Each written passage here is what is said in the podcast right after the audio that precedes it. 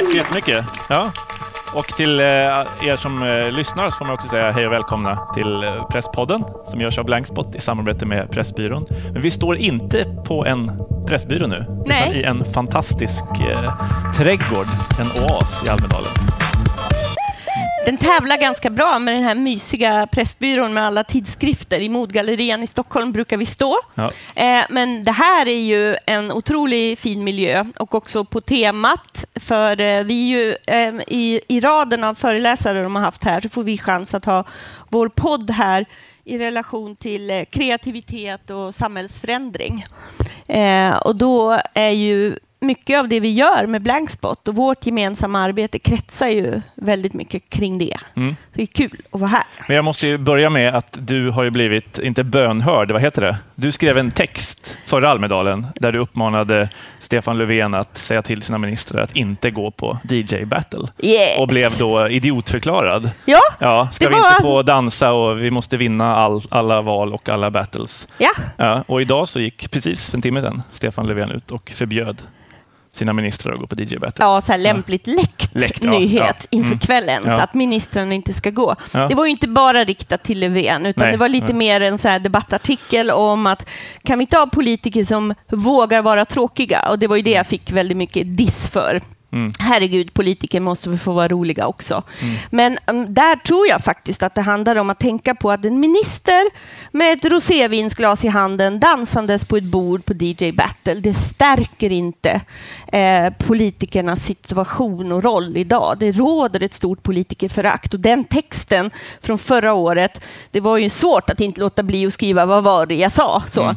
Eh, Men då kan jag ju vila lite i att då lyssnar alltså Löfven på mig dig, ja. till nästa år. För i söndag skrev jag ju en annan debattartikel. Du uppmanade honom att vara på Almedalen. Ja. Du tyckte att han spelade med i en populistisk logik. Ja. Att säga att nu ska jag träffa vanliga människor, Ja, han lägger ut bilder på Facebook om att han sitter på campingstolar Ja, ja. och är- möter folket. Liksom. Mm, och då, Det är ju för att möta den otroligt starka poängen som Jimmy Åkesson gör om och om igen om att möta folket och den retorik som finns till populismen över hela världen. Mm. Och det är, ju, det är ju att lägga sig platt, för herregud, politik handlar ju om att möta människor. Mm. Det riktigt coola som PR-strateg känner man ju hade varit att han kom hit, tog ett tag om frågan om hur stärker vi förtroendet för demokratin och för oss som politiker gemensamt. Eh, för de går igenom samma stålbad som medierna har gått igenom nu. Det är liksom de som är next in line och sen kommer civilsamhället och allt det här. Det coola hade varit att vara här och ta den diskussionen och sen åka ut här på landsbygden. Eh, liksom Ja, Gotlandsregionen, vattenproblem eh, vattenproblemen. grundvatten och alla möjliga. Ja, Mm. och ganska hög självmordsfrekvens. Det finns problem här också. Det finns folk här också. Eh, och sen är det ju lite pinsamt, för nog 17 kommer han stå här nästa år. Eller så är det Löfven som nu har tagit steget till att Almedalen läggs ner. Det tror jag dock inte. Nej. Nej, så jag känner mig lite orakel i fem Ja. minuter här. Men du, Dryg. du har den där Dryg. förmågan att, att se runt, eh, runt hörn. Att, ja. Ja.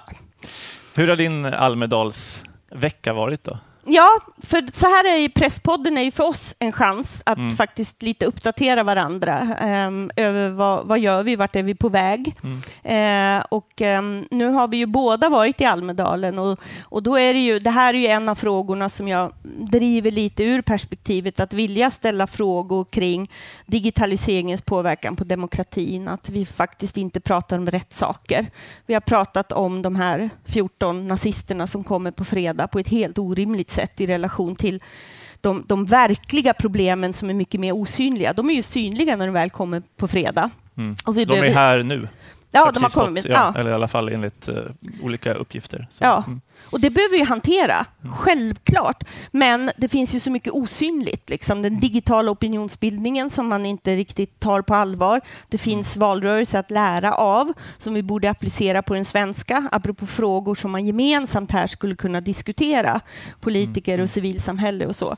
Så där jag kan försöker jag lyfta de frågorna. Och sen har jag fått äran att vara moderator för grymt spännande samtal, bland annat den om informationskrigföring med säkerhetsanalytiker eh, och journalister väldigt kunniga om den ryska påverkan.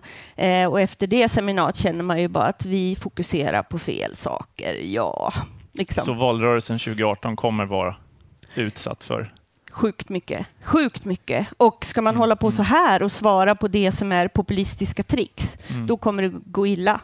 Eh, mm. åtminstone om man eh, inte tror på de alternativ som det leder till. Det är väl saker vi kan prata med Silla Benke sen, också ja. mer när hon kommer. Hur förbereder man sig som liksom, public service inför ja. en valrörelse 2018 ja. med de krafter och, och, och spänningar som är i omlopp? Exakt. Eh, men eh, vi ser nu att Silla är på väg, men ja. vi kan väl ändå få höra om hur din vecka har sett ut, för du har spelat teater i Almedalen. Ja, eller jag har varit mig själv på en teater, ja. men absolut. Eh, nej, och apropå Almedalen som, som mötesplats, och det var för tre år sedan mm. när jag var på min första Almedalsvecka någonsin. Så bodde jag längst ut på södra Gotland på ett pensionat, Holmhällar. Fantastiskt mm. ställe, lite frozen in time. Eh, och åkte två och en halv, tre timmar buss varje dag, liksom upp och ner till Almedalen. Men då på bussen så satt jag bredvid eh, Måns Lagerlöf som då var han hade inte ens börjat på Riksteatern, men skulle börja till hösten. Eh, och vi började prata om fängslade journalister, säkerhet för journalister, olika frågor. Och jag berättade om de som satt kvar i Kalite-fängelset. Och det här är ju tre, tre år sedan, fyra år sedan, tre år sedan. Mm. Och han blev väldigt berörd och frågade, men kan de här människorna, kan de skriva? Men som herregud, klart de kan skriva. De är ju så bra så att de hamnar i fängelse. Alltså, de ju, kan verkligen skriva. Så mm. frågan, kan de skriva för teatern? Så var det lite annorlunda fråga, men vi får fråga dem. Så skickade vi ner en fråga till fängelset och frågade, vill ni bidra med texter och få liksom era texter upplästa på en scen då? Eh, och det blev ett jättegensvar eh, och lite av en liksom snackis kan man säga, i fängelset. Mm. Eh, och vi fick otroligt mycket bidrag från fängslade och sådana som har blivit fria.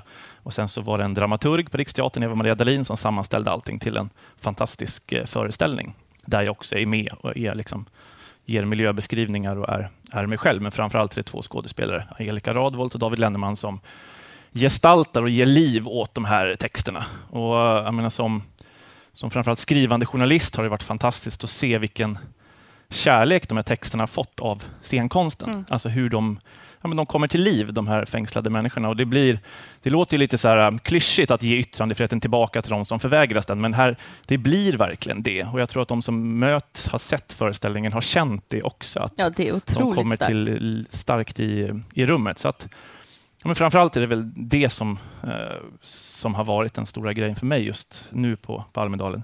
Men jag var lite orolig för det också, för jag tänkte herregud, Almedalen är hetsigt och stressigt och alla bara rusar runt som skålade råttor i gränder och letar efter en adress. Ska vi få folk att sitta still i en timme? Mm. Liksom, och jag sa till de här Riksteatern-arrangörerna, det kommer aldrig gå. Ni måste öppna nödutgångar så folk bara kan gå ut när de vill. De kommer liksom, annars kommer det bli kaos. Men alla satt eh, kvar, fullsatt bägge föreställningarna. Så det var ju fantastiskt att man kanske såg det som en paus också.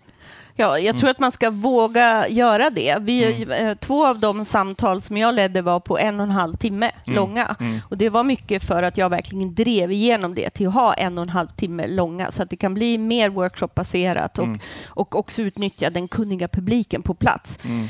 Eh, och när tiden börjar tror man ju att det här kanske blir långt, men tiden var ju kort, så man ska våga göra sådana här saker. Mm. Testa nya format och faktiskt också jobba med att våga beröra publiken eller involvera dem mm. eh, på olika sätt. Det är mm. verkligen eh, något man ska jobba mer med i Almedalen generellt. Mm. mm.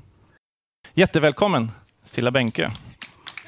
Eh, du får en så, du får en sån här handmick. Tack, tack. Ja, välkommen till Presspodden. Tack, kul att vara här. Ja, ja, verkligen. Hur har din Almedalsvecka varit? So ah, far? Uh, so far so good. Ja. Eh, det är ju betydligt trevligare väder idag ja. än igår morse kan ja. vi väl i alla fall konstatera. Fast det är ändå rätt kallt för att vara juli, eh, tycker jag. Jag gillar värme. Eh, nej, men jag gör ganska mycket olika saker. Dels har ju vi, och det vet ni säkert, eh, ganska mycket egen personal på plats, medarbetare mm. som faktiskt jobbar, mm. eh, bevakar politiken. Men vi sänder också en del program och vi sänder ju partiledarintervjuer både på morgonen och i P4 Extra i den stora P4-kanalen på eftermiddagen och sådär. Så vi har ju rätt mycket folk på plats. Och sen har vi också en helt sändande lokal kanal här. Gå gärna och besök P4 Gotland. De är nämligen här alltid, inte bara denna vecka, och gör lokal journalistik. Eh, så det är en del del som jag tycker är kul och, och liksom hänga med medarbetarna. Så jag har varit med i lite olika debatter och diskussioner och, och i ärlighetens namn ska jag säga att det är ju roligare att vara med i de där som handlar om stora samhällstrender och förändringar och inte nödvändigtvis bara handlar om varför har vi public service eller inte. Men jag gör både och, eh, det ingår ju. Eh, och sen har jag haft lite personliga möten och sen tycker jag lite nytt för i år är det här att man är fem, sex stycken och så har man ett runda bordssamtal mm. över en lunch mm. eller en mm. middag med, mm. med liksom en frågeställning. Apropå det du sa förut, Britt, att man pratar till punkt. Så igår kväll satt jag med otroligt roliga människor som jag faktiskt nästan tid aldrig hade träffat någon av dem. Och så snackade vi om digitaliseringseffekter på alla våra olika bolag och vilka krav det ställer på oss som chefer och ledare och så. Eh, och vi började middagen nio och slutade vi typ eh, strax efter midnatt. Mm. Det, det, sånt är kul, tycker jag. Så att det händer mycket och, och man får till spontan möten och sådär. Hur trött är du på seminarier om trovärdigheten för journalister? Nej, men egentligen inte trött på, nej. fast jag, jag brukar jag säga... Bara, tittar man i kalend Almedals ja, så var det ju strösslat med sådana rubriker. Och, och, ja, och, jag tycker att vi har gjort ja. ett jäkla stort misstag faktiskt. Nu ja. ska man ju inte svära, inte i Sveriges Radio inte heller i er podd. men, nej, men så här, om vi, tar, om vi nu tar ändå den här ja, ja. Eh, titulationen fake news. Ja, den har ändå skapats av en, en viss president i ett visst mm, land mm. eh, för att komma åt det faktum att det finns eh, traditionella medier som granskar makten. Mm. Eh, vi har ganska okritiskt, tycker jag, plockat hem det över till Europa och jag har suttit i en diskussion med kollegor i Storbritannien om det på ett seminarium på London School of Economics som, som var jättespännande. Och det fick mig också tänka över de här seminarierna som är här. För att det är ett begrepp som nu används för allt möjligt. Dels används det faktiskt för faktafel inom journalistiken som vi absolut kan diskutera. Mm. Men jag skulle säga att det inte är värre med faktafel idag i journalistiken än det var när jag började och det är ganska mm. länge sedan. Och det visar också undersökningar, till exempel kring det nu just avslutade franska valet. Det var inte så mycket falska nyheter i den bemärkelsen att de var de facto fel. Nej, och det är väl också en del av den publicistiska processen. Absolut. Det blir fel, ja, då kommer det rättelser. Ja, och, liksom man granskar fakta och man ska ha två varandra oberoende källor och allt det där. Uppgifter, liksom. ja, så det är en grej. Mm. Eh, sen är, är ju de som använder fake news nu för att jag tycker en sak och du tycker något annat och då mm, är det mm. du tycker fake news, för det är mm. fel. Det stämmer inte överens med mina åsikter. Och sen finns det ju faktiskt de som nu använder det också i rent propagandasyfte. Därför att man vill styra en världsbild. Och det med, det är någonting, det är väldigt planlagt eh, av en amerikansk president och jag blir bekymrad över att vi så okritiskt plockar hem det hit i Sverige. För då gör vi det till en grej i allmänhetens ögon som kanske inte hör hemma här mm, faktiskt. Mm, mm. Nej, men det är väl ett, ett, ett, medvetet angrepp från egentligen Donald Trump på medier, alltså för ja. att underminera medier generellt, som man ser som du menar att det är, det är en politisk, men tror du men jag blir bekymrad, ja, för mm, det finns mm, krafter i Sverige också ja. som vill under, underminera medier i Sverige. Och uh, den stora allmänheten, mm. de kan inte skilja utan nu är helt plötsligt allt möjligt fake news och det används lite till höger och lite till vänster, lite som vi vill. Och de som då vill använda det för att till exempel misskreditera Sveriges Radio, för det mm. finns ganska många som vill, mm. som tycker att det behövs inget public service i Sverige, eh, vi gör fel typ av journalistik, vi ska inte utföra de granskningarna vi gör, det vore, livet vore enklare utan oss. De använder ju detta nu mm. och får med sig vanliga Svenssons in i diskussionen och vi spär på, för vi ordnar 35 seminarier om detta. Och älskar oss själva. Och gör, det, ja, och gör det till det absolut mm. största problemet för journalistiken. Mm. Och det skulle inte jag säga att det är. Men hur, hur, hur gör vi då? Man tänker, hur förbereder man sig inför valrörelsen 2018? Hur tänker du kring det? Om man har de här medvetna liksom, angreppen för att misskreditera eh, traditionella medier. Om lösningen inte är den här själv... Eh, liksom, ständigt pågående självkritiken? Ja, men vi har en väldigt intensiv diskussion mm. på våra mm. redaktioner och, och jag med, med, alla ansvariga utgivare hos oss. Mm. Eh, och den bottnar ju i några saker. Dels så ser ju vi att förtroendet faktiskt för Sveriges Radio är enormt högt mm. fortfarande, mm. även bland unga. Och det är klart att det är ju glädjande när SOM-institutet till exempel frågar unga som är tror jag, mellan 16 och 25 och 14 procent Eh, tycker att Facebook har tro, stor trovärdighet och 66 procent tycker att Sveriges Radio har stor trovärdighet. Det är ändå ganska bra mm, siffror. Mm, mm. Eh, och vi ser också att förtroendet faktiskt går upp i den stora förtroendeundersökningen och så. Så att det är ju inte så att vi har ett förtroendeproblem för Sveriges nej, Radio. Däremot så ser vi att det också samtidigt är en större grupp som säger att de misstror Sveriges Radio. Och det är klart att det måste ju vi ta på allvar. Och vi diskuterar väldigt mycket, ja, men vad är egentligen vår roll inför en kommande valrörelse? Jo, men det är ju att ännu tydligare verkligen visa på att att vi är hela Sveriges, Sveriges Radio. Vi är inte en del, vi är inte en stadsradio, eh, väldigt viktigt. Mm. Vi är inte heller en del av ett elitmedium i Stockholm. Vi mm. finns på 50 platser i landet. Eh, och vi gör inte bara nyhetsjournalistik. Alltså, om man tar våra lokala kanaler, de sänder från tidig morgon till sen kväll. De är den här öppna arenan för debatt och dialog där tusentals röster hörs. Jag tror att det är 200 000 röster som hörs i, i våra lokala kanaler per år. Det är ganska många åsikter som bryts där. Och den rollen blir bara viktigare och viktigare. Och vi pratar mycket om ämnesval, vi pratar mycket om perspektiv, vi pratar mycket om vilka röster får höras i radio, vilka röster eh, och vilka personer finns hos oss som gör urval urvalet av vad vi bevakar. Hur säkrar vi mångfald där? Men också hur ser vi till att alla de här lokala perspektiven och ämnesvalen och rösterna också når en rikspublik? Det vill säga att det som är de stora frågorna på Gotland ska ju inte bara vara de stora frågorna på Gotland. De ska ju också höras för de som till exempel lyssnar på P4 Extra som har ändå en publik på 1,8 miljoner eller på ett P1 Morgon eller Studio 1 eller så. Eller i våra kulturprogram. Jag menar, så att vi har en ganska just nu intensiv diskussion inför nästa valrörelse.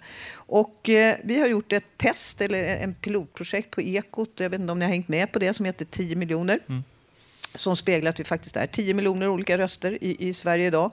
Och där det går ut på att helt enkelt med hjälp av den digitala tekniken och sociala medier och så hämta hem frågeställningar från publiken.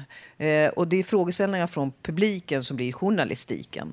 Eh, och sen så går man och söker upp makten och säger okej, okay, vad gör vi åt det här problemet? Istället för att springa på massa presskonferenser och sen gå och fråga publiken och medborgarna vad tycker ni om de, om de, om de politiska förslagen så har vi mm, liksom mm, vänt på mm. kuttingen.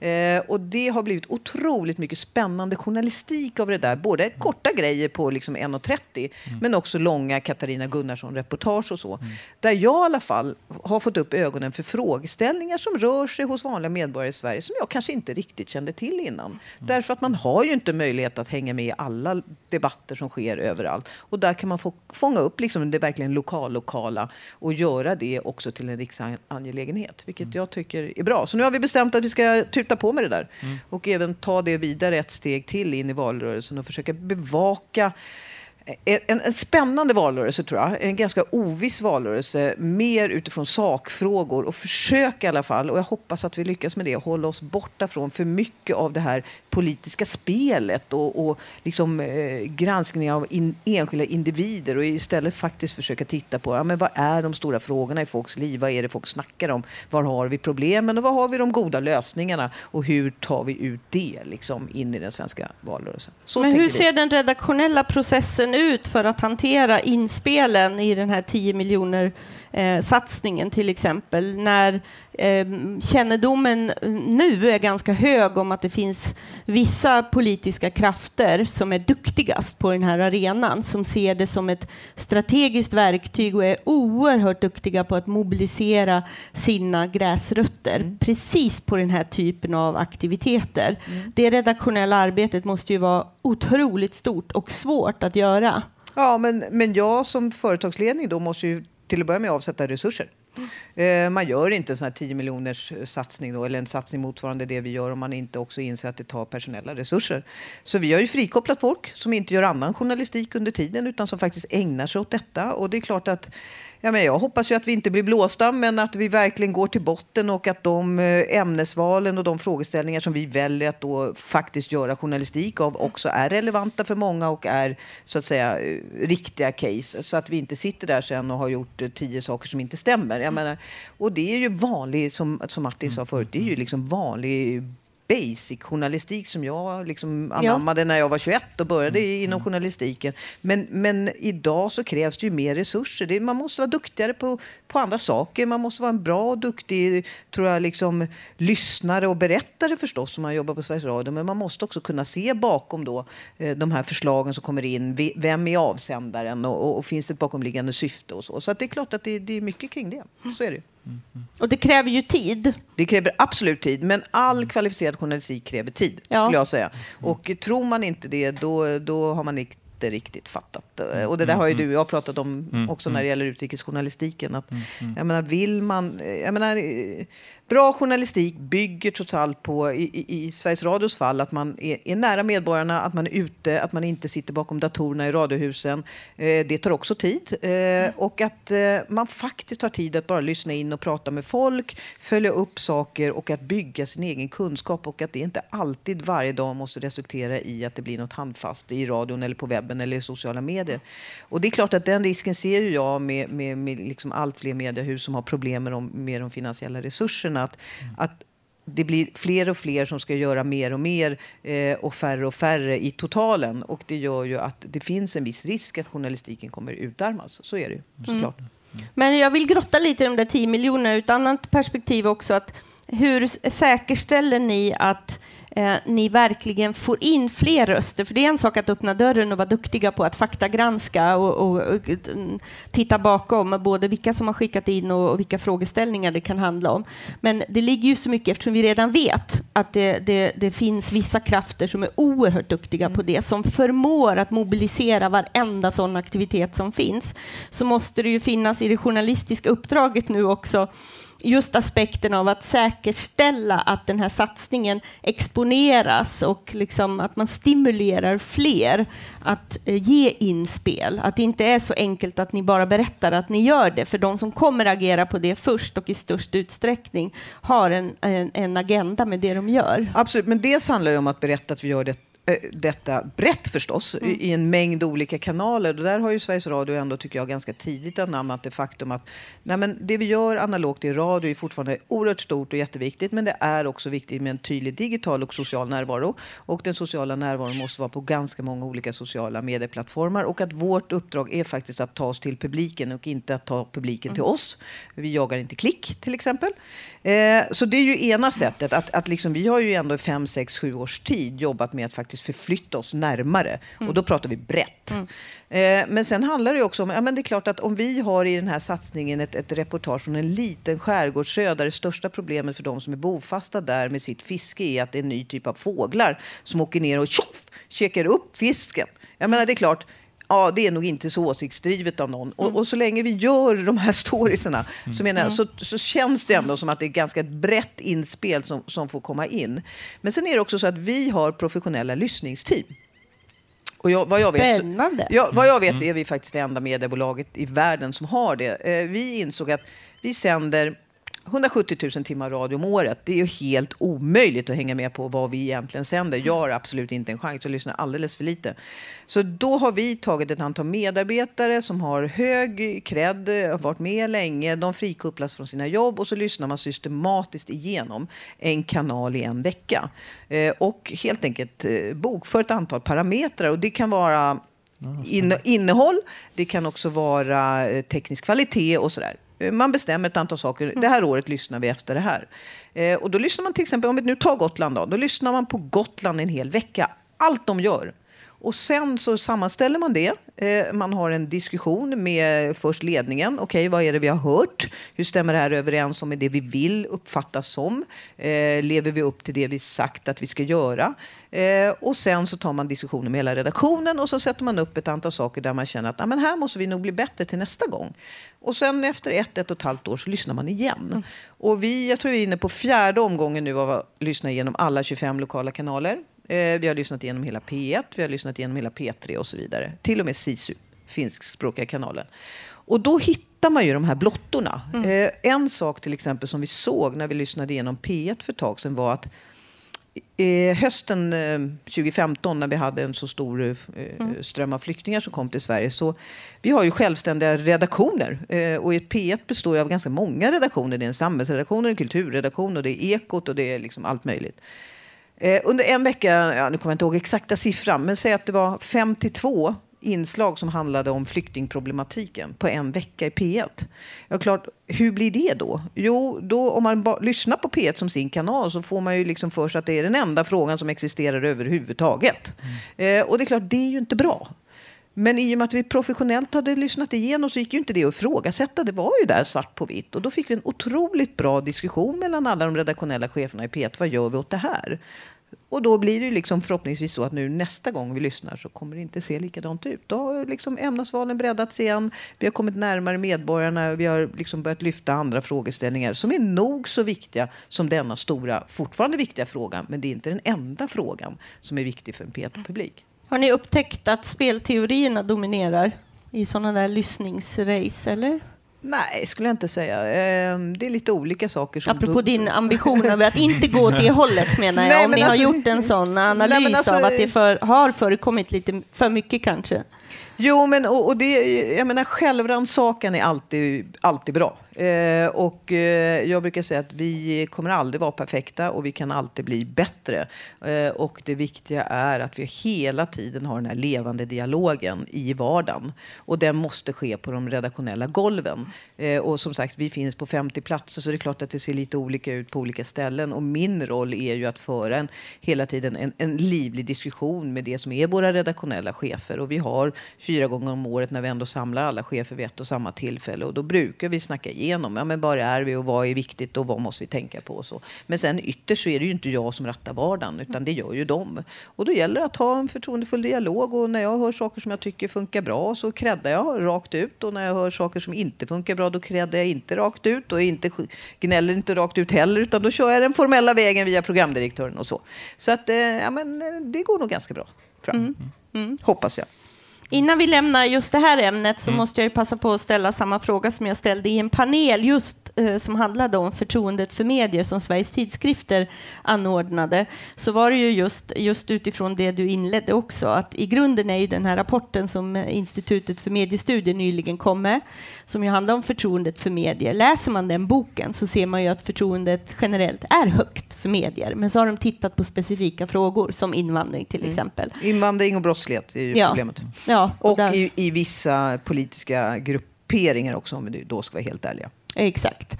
Ehm, men, och då, då var min sista fråga att eh, okej, okay, missförtroendet i all ära, men vad tror eh, panelen i fråga om hur allvarlig är egentligen attacken mot medier i Sverige?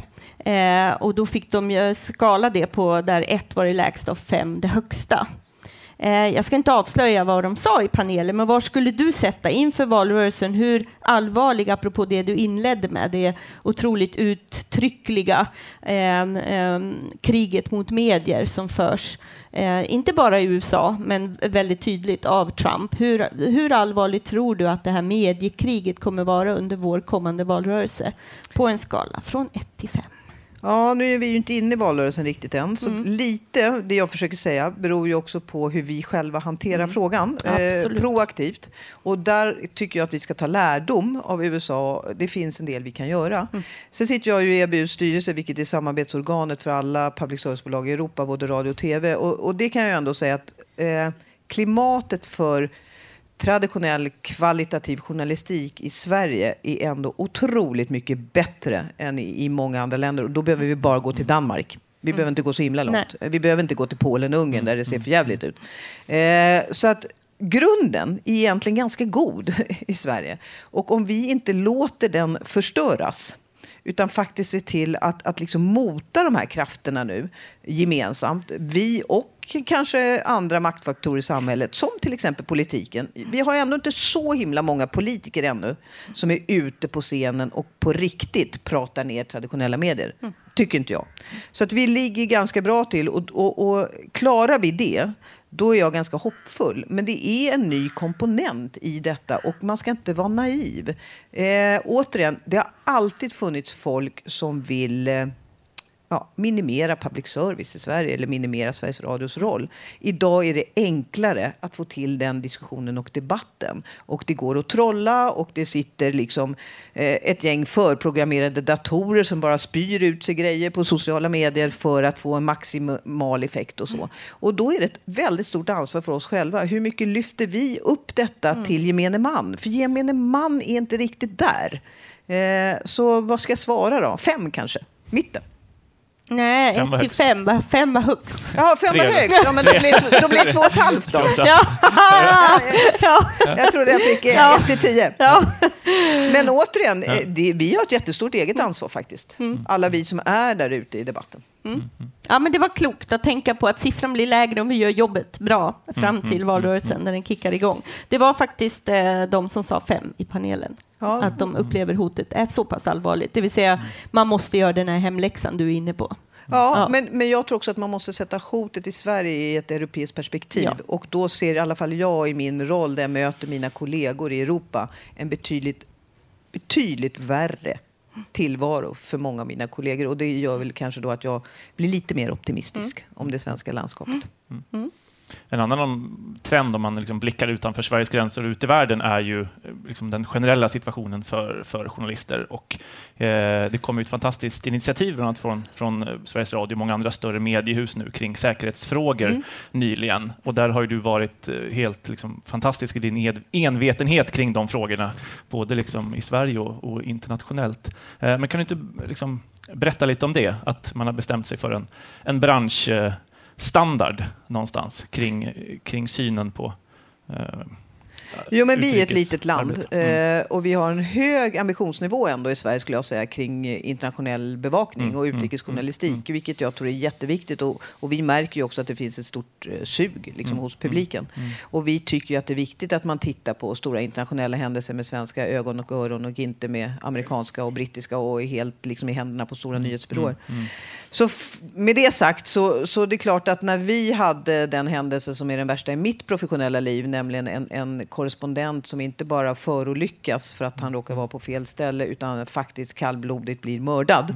Eh, då blir ju det här för mig en ännu viktigare fråga. Eh, den kom väldigt, väldigt nära på kroppen och eh, det vi bestämde då och nu pratar vi om Nils Horner och Kabul och, och, och han var ju där för att bevaka det afghanistanska valet. Då bestämde vi där och då att ja, men vi måste nog samla alla våra kollegor. Eh, utrikessäkerhet är liksom inget vi konkurrerar om. Och vi hade ju ganska mycket fakta ändå kring eh, säkerhetsläget i Kabul. Och det var ju ändå ett val som skulle komma. Och varje redaktionell chef i Sverige satt ju med ett beslut man var tvungen att fatta. Ska vi åka dit eller ska vi inte åka dit? Och då kände jag att ja, men den här informationen måste vi dela. Så då bjöd jag in de stora andra mediehusen till Radiohuset och vi, våra säkerhetsansvariga, och vi gick igenom och drog alltihopa. Och det där föll väldigt väl ut och folk liksom tyckte att det var ett bra initiativ. Så när sen DN råkade ut för den här händelsen med, med Paul Hansen, då gjorde Peter Wolodarski likadant. Han bjöd in oss och vi gick igenom caset tillsammans och vi såg vad det saker vi kunde lära oss av- av varandra. Och där och då föddes tanken att men Vore det inte bra för alla, oss som arbetsgivare men också för alla våra medarbetare om vi kunde enas om någon slags gemensam branschstandard för Ja, men vad är ett minimumkrav om man ska skicka medarbetare till ett högriskområde utomlands? Och det var det vi började med. och sen har det spinnit off. Vi kanske kommer titta även på, på liksom andra saker tillsammans. Men det är där vi är just nu. Och att även då inkludera frilansare i det i den bemärkelsen att frilansare som vi kontrakterar själva, inte som åker dit på späck utan som har gjort upp med oss i förväg. Eh, och jag är otroligt nöjd med att den lilla arbetsgrupp som sattes ihop där sen ganska snabbt faktiskt kunde enas kring en sju, åtta parametrar och som alla skrev under. Och, och det är ju liksom, och jag har bara fått positivt faktiskt från medarbetarna som också tycker att "Nej, det här visar att, att arbetsgivarna i Sverige ändå tar frågan på allvar. Eh, och eh, har satt ett antal eh, saker som ska gälla. Sen kanske inte alla är där Nej. ännu. Och det är ju, då får vi ju sträva efter att ta oss dit. Men, Nej, men men det är en- jätteviktigt tror jag. Det är, en, det är en bra lista och det har ju liksom också puttrat bland frilansare efter liksom det jag var med om och det många andra varit med om också kring Ja. att sammanställa erfarenheterna och behovet av att, så att säga, det är en ny värld med nya liksom, faror. Det ser annorlunda ut. Vi är mer utsatta än innan, både av stater och av, av, av terrorgrupper Ja. och en ny värld att Av navigera onda i. krafter som jag brukar säga. Ja, alltså, och den, det kräver allas vår gemensamma klokskap någonstans. Hur fortsätter vi att, att rapportera i den här världen? Och jag tror det är helt rätt väg att gå, att också börja ställa liksom, också högre krav på varandra kring riskanalyser, sjukvårdsutrustning, försäkringar, utbildningar. Att, eh, också från så att säga, frilanshållet också. Att det är bra att man sätter den där standarden. Hittar man då kollegor som är på fältet i ett riskområde och man säger men du har inget sjukvårdskit med dig, du har ingen försäkring, du har ingen... Eh, att liksom inte acceptera det längre. Det hade man inte gjort i någon annan bransch, om man träffar någon som jobbar utan skyddsutrustning eller Nej. någonting. Så det, ja, men det är väldigt... Och det känns som att det finns ett momentum i de här äh, frågorna som, som är väldigt bra för, för journalistiken. För det gör också att vi fortsätter rapportera från områden när vi blir klokare och lär oss hur. Mm. Ja, och jag känner ju att, återigen, vi är inte ett så stort land, men jag är ändå väldigt stolt över att här har vi liksom lyckats komma till ett bra samtalsklimat mellan ändå konkurrenter, mm, för det är ju mm, det, mm, mm, och mellan kommersiell media och, och liksom public service, vilket är ganska unikt. Jag sitter ju i INSIs eh, styrelse också, International News and Safety Institute, som är en ganska liten NGO med säte i, i Storbritannien och som bara jobbar med säkerhetsfrågor för journalister. Och vi hade styrelsemöte och vi langade in, vi översatte den här till engelska och langade in den här här överenskommelsen där och den har ju nu fått fötter och liksom spridit sig till en massa andra länder där man funderar på att göra samma sak och så. Det är ganska coolt tycker jag ändå att mm, mm, i en så viktig fråga att Sverige kan gå i bräschen mm. och att man faktiskt visar att nej men, det behövs starka kommersiella medier och det behövs ett starkt public service och i vissa fall så blir vi otroligt mycket starkare om vi samarbetar mm, och att det inte alltid handlar om att försöka slå undan benen för varandra. Ja, ska vi avsluta med en fråga där vi alla har ehm, en, en, ehm, en närhet till på olika sätt och vis. Och det är ju kampen för uh, David Isaks frigivande. Ja. Jag inledde min Almedalsvecka med att reflektera över att vi eh, för fyra år sedan vann den här utmärkelsen Hetast i Almedalen för den här cellen som alla besökte och valde att återkoppla till att eh, den kommunikationen betyder mycket för att formera gruppen ännu, liksom att ha uthållighet i arbetet, att få väldigt många nya människor att förstå mer om David Isaks fall. Och det var så tydligt när vi var på centralstationen i Stockholm med anledning av hans 15-årsdag i fängelse så var det så otroligt många människor som känner till hans fall och kommer fram och, och säger säger det. Men situationen för honom fyra år senare är ju fruktansvärd oförändrad helt enkelt. Så då hade vi ett, en workshop dit man kunde komma. Vi fick en kortlägesrapport av några av de aktörerna som är aktiva i den här kampen mm. eh, som fick ge en kort lägesrapport och sen eh, fick man komma med idéer. Vi fick in en del spännande idéer, vi ska berätta om dem. Men du har ju nyligen eh, varit väldigt involverad i att uppmärksamma David Isak internationellt. Ja, jag fick ju äran faktiskt, mm. för jag tycker att det är en stor ära, att leda Unescos jury för årets eh, tryck och yttrandepris, eh, frihetspris. Och det är ju en internationell jury eh, och det funkar som så att eh, ja, vem som helst kan egentligen nominera in eh, och sen så sker ett ganska gediget arbete och så får liksom alla jurymedlemmar en dossier liksom, eller en, en, en, bunt, ja, en beskrivning av varje kandidat egentligen. Eh, och sen röstar vi. Eh, och först är vi en liten mindre grupp som plockar ut, eh, ja, slår fast ett antal kriterier och plockar ut 12 stycken kandidater. Och eh, vi enades ganska snabbt om att ett av kriterierna är att det ska vara en individ och inte en organisation som får priset. Eh, och att det företrädesvis skulle gå till någon som inte redan liksom själv eh, har en plattform för att göra sin röst hörd. Eh, och då blev det tolv slutkandidater som ganska enkelt gick att, att vaska fram. Och eh, sen kör man eh, några röstomgångar helt enkelt. Först enas man kring fem och sen enas man kring tre och sen är det två och sen så, ja, mm. en, en, slutkandidat. Och eh, mycket, mycket glädjande eller tillfredsställande var ju att vi var helt eniga. Mm. Eh, det var liksom en helt enig jury som alla hade David som, som, som huvudpristagare i, i år. Då. Och det är ju sorgligt egentligen, men mm. eh, hans fall stack ju ut på det mm. sättet. Eh, och sen måste man ändå säga här att det fanns väldigt många andra otroligt tragiska fall också. Eh, mm. och vi delar ju bara ut ett pris. Och sen var det en eh, prisutdelning i samband med att Unesco alltid har ett seminarium om, om de här frågorna i samband med pressfrihetens dag den 3 maj. Och i år var hela seminariet i Jakarta så då fick jag åka dit eh, och eh, på plats för att ta emot. Det var i Betlehem då. Mm.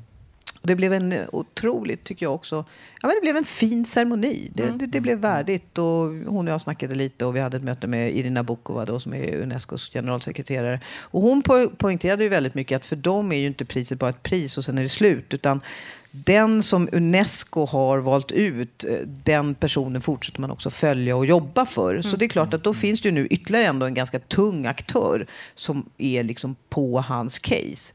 Eh, och det första de har diskuterat är ju att försöka få till ett möte ett fysiskt möte för att faktiskt säkerställa att han lever överhuvudtaget. Mm. Så det är ju det som är deras ingångsvärde just nu i, i diskussionen med Eritrea. Då. Och eh, ganska omgående när det här priset blev eh, känt så kom det förstås protester från Eritrea. Eh, där man försökte misskreditera mig och säga att ja, men det är ju en svensk som har lett den här juryn och det förstår ni väl att ni är helt förda bakom ljuset och så här ser det egentligen ut och så. Och då stod faktiskt Irina Bukova på sig mm, väldigt mm. tydligt med ett svarsmejl, liksom, eller ett svarsbrev där hon helt ja, ställde sig bakom mig och sa att det här liksom det här har gått helt schysst till eh, och att det är ett fall som absolut eh, liksom, är, är, ja, är rätt mm. i det mm. läge som det är nu. Mm. Och det där är ju en sån viktig pusselbit, att det är just fler och fler aktörer. Ja. Så även om det är väldigt, till exempel den här svenska kampanjen misslyckad i och med att han inte är fri, men just den ökade medvetenheten och fler samlade krafter. Och du Martin, du har ju för Blankspots räkning varit i Eritrea och mm. i mm. det när du kom hem så hade du idéer om vad man skulle göra också. Kan inte vore kul att bolla med Silla vad hon tror. Jo, först ska vi säga att jag blev jätteglad när jag såg att han fick priset. Alltså vad det betyder, Unesco, Guillermo, vad heter det? World Kano, Press Freedom mm. Prize. Jag vet hur mycket det betyder för Ryota Lemo som jag ju satt fängslad tillsammans med när hon fick det. Mm. Eh, och vad det betyder för hennes familj att bli erkänd av Unesco är ändå liksom ett 70-årigt FN-organ. Mm. Det är liksom inte vad som, det är ingen liten liksom NGO utan det är ett världs med något sätt världssamvetet som, som säger att du ska få ett pris för din journalistik. Det betyder ju så oerhört mycket.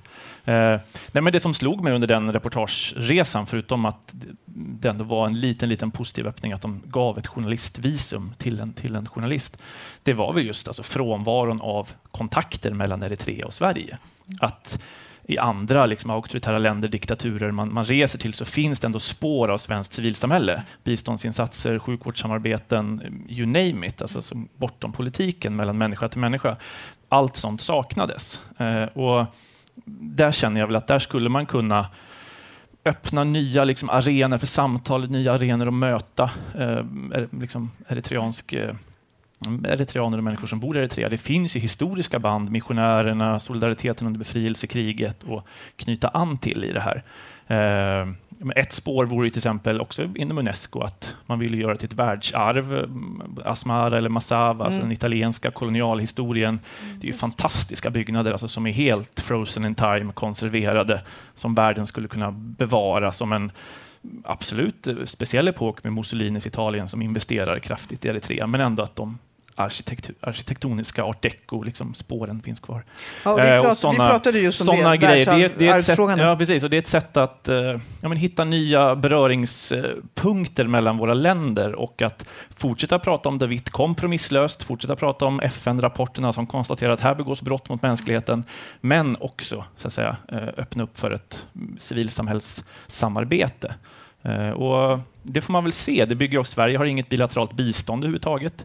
Eh, och nu har ju precis EU-parlamentet röstat för en resolution där man kritiserar kommissionens eh, bistånd till, till Eritrea. Mm. Så att, eh, det finns ju olika krafter i det här såklart, men det var en observation man gjorde på plats att det som finns, den relation vi har till andra diktaturer har vi inte till Eritrea. Jag tror också att vi måste från svensk sida nu vara lite observanta på vad som händer i själva Unesco eftersom Irina Bukovas mandat går ut. Mm, mm. Och hon slutar ju i november och det är klart att hon personligen har ju varit väldigt, väldigt brunnit för ja. de här frågorna. Hon var ju här som vår gäst i Almedalen förra året ja. mm. Eh, och pratade om det. Och, så här, och, hon, mm. och hon, hon, gör inte det bara för att hon ska göra det. Hon, hon tror verkligen mm. på frågan och tycker mm. att det är jätteviktigt. Hon är ju liksom ute i sociala medier vid varje enskild case och, och, och markerar sin närvaro och sitt sitt, eh, sitt fördömande och så. Mm. Och det är klart att det hänger ju ganska mycket tror jag, på vem mm. som kommer mm. efterträda henne, vilket ju är oklart, i alla fall det vet inte jag just nu. Så. Och, eh, däremot så är min känsla att den svenska delegationen i Paris då eh, är också väldigt drivande de här mm, frågorna. och det är väl möjligtvis en kontakt man också skulle kunna ta och säkerställa att de nu liksom ligger på så att det inte, verkligen inte bara blir nu ett pris och sen byter man generalsekreterare för Unesco så faller allt mellan stolarna. Så. Sen är jag, jag vet inte. Det, de senaste, alltså det är ju bara en enda gång som pristagaren inte har blivit fri, mm. Eh, mm. frigiven mm. efter. Eh, men det bygger ju på att han lever. Ja. Eh, och det är väl det som är, liksom är första grejen här som jag ändå känner att nej, men det måste man väl åtminstone på något sätt kunna säkerställa. Men det är klart, lever han inte så ja, då vill man ju inte eh, skapa det här mötet mm. såklart. Mm. Mm. Och, och det kan jag ju säga inom ramen för det nätverket och de möten vi har med UD så säger man ju att det finns eh, indikationer på att han lever och det var väl samma bild som ni mötte Ja, de säger det. Han lever och behandlas bra. Ja.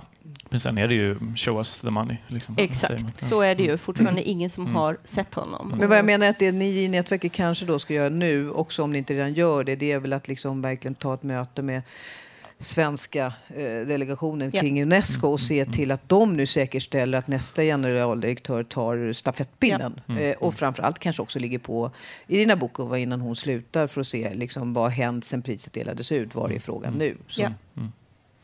Mm.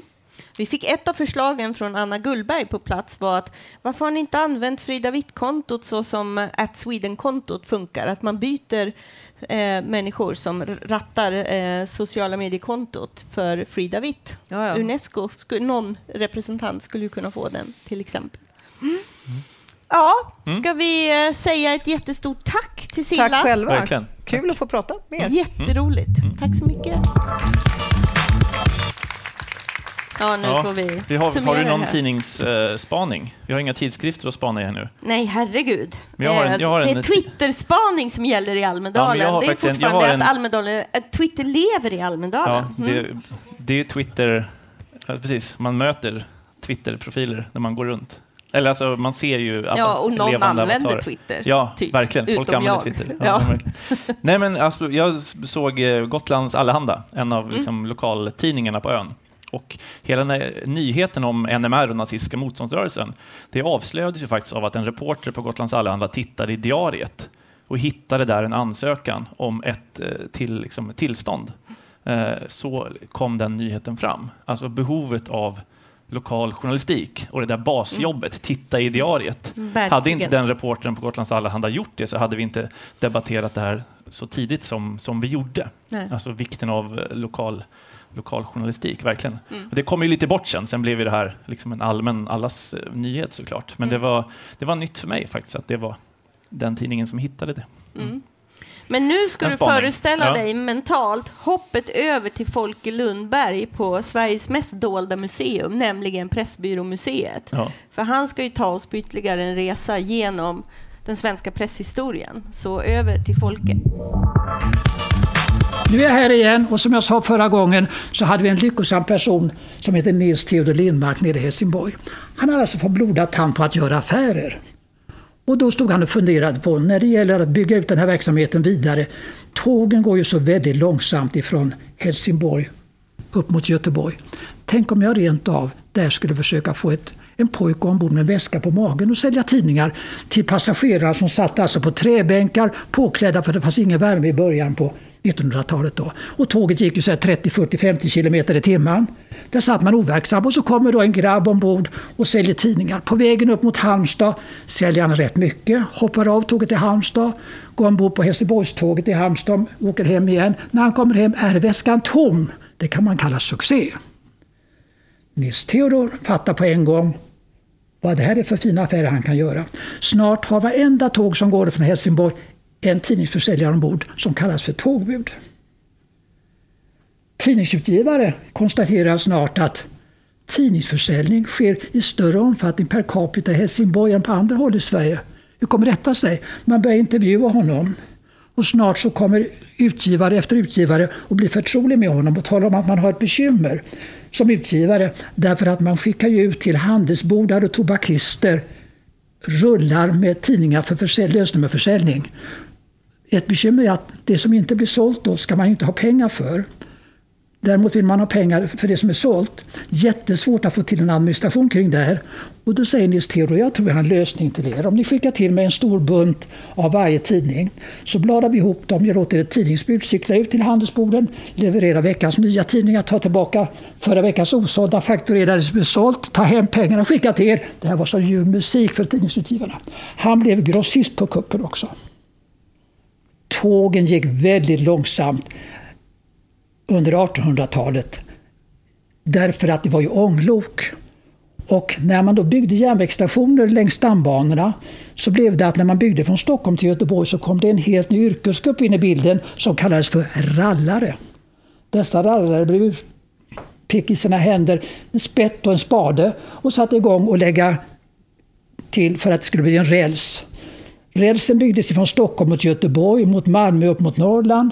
I Göteborg byggde man mot olika håll och i Skövde byggde man mot båda hållen också. Och efter 12 år så kunde man alltså åka ett ånglok ifrån Stockholm till Göteborg. Då kan man fråga sig hur många timmar tog det? Ja, tidigare när man hade åkt med häst och hästskjuts och kanske ridit också, så brukade det ta 4, 5, 6 dagar att komma på småvägar till Göteborg. Hur lång tid tog det nu första gången? Jo, det tog 14 timmar. På 14 timmar kunde man färdas från den stora staden Stockholm till Göteborg. Häromdagen träffade vi på en person här i museet som rättade till mig och sa 13.58. Jag blev lite störd och undrade vad han menade med det, men det visade sig att han var kalenderbitare och visste allting om Sveriges järnvägar faktiskt. Så att efter 13.58 var alltså tåget framme i Göteborg, för tåget gick rätt på den tiden alltså. I Laxå var man tvungen att hälla på vatten och kol på ångloket. Alltså var man tvungen att stanna där. Då hade passagerarna möjlighet att gå in på gästgiveriet och äta en liten lunch. Tills dess att de tutade i visselpipan igen på tåget och man gick vidare mot Göteborg. Alltså, och var framme då efter 13.58. Jag har berättat tidigare om hur man skulle organisera pressförsäljningen på landets järnvägsstationer och att vi då hade en organisatör som hette Ivan Aminoff. När dagen kom då Ivan Aminoff gav sig tillbaka till militären igen och de lyfte upp honom så sa man här i Stockholm, vi har en klart lysande stjärna i Helsingborg. Han heter Nils Theodor Lindmark. Han har sett till så vi har blivit detaljister och vi har dessutom blivit grossister för vi levererar tidningar till återförsäljare runt omkring i Helsingborg. Han om någon skulle kunna organisera det och bli arkitekten för verksamheten över hela Sveriges land. Nils Theodor fick alltså erbjudandet och fick resa till Stockholm och bli ledare för hela verksamheten. Det första han då gjorde var att han bestämde sig för att här inne på Stockholms central måste vi ha den finaste av alla fina kiosker. Arkitektritad, finaste ädelträ, ek alltså. Han går till Telegrambyrån och får pengarna och så bygger man en fin kiosk där.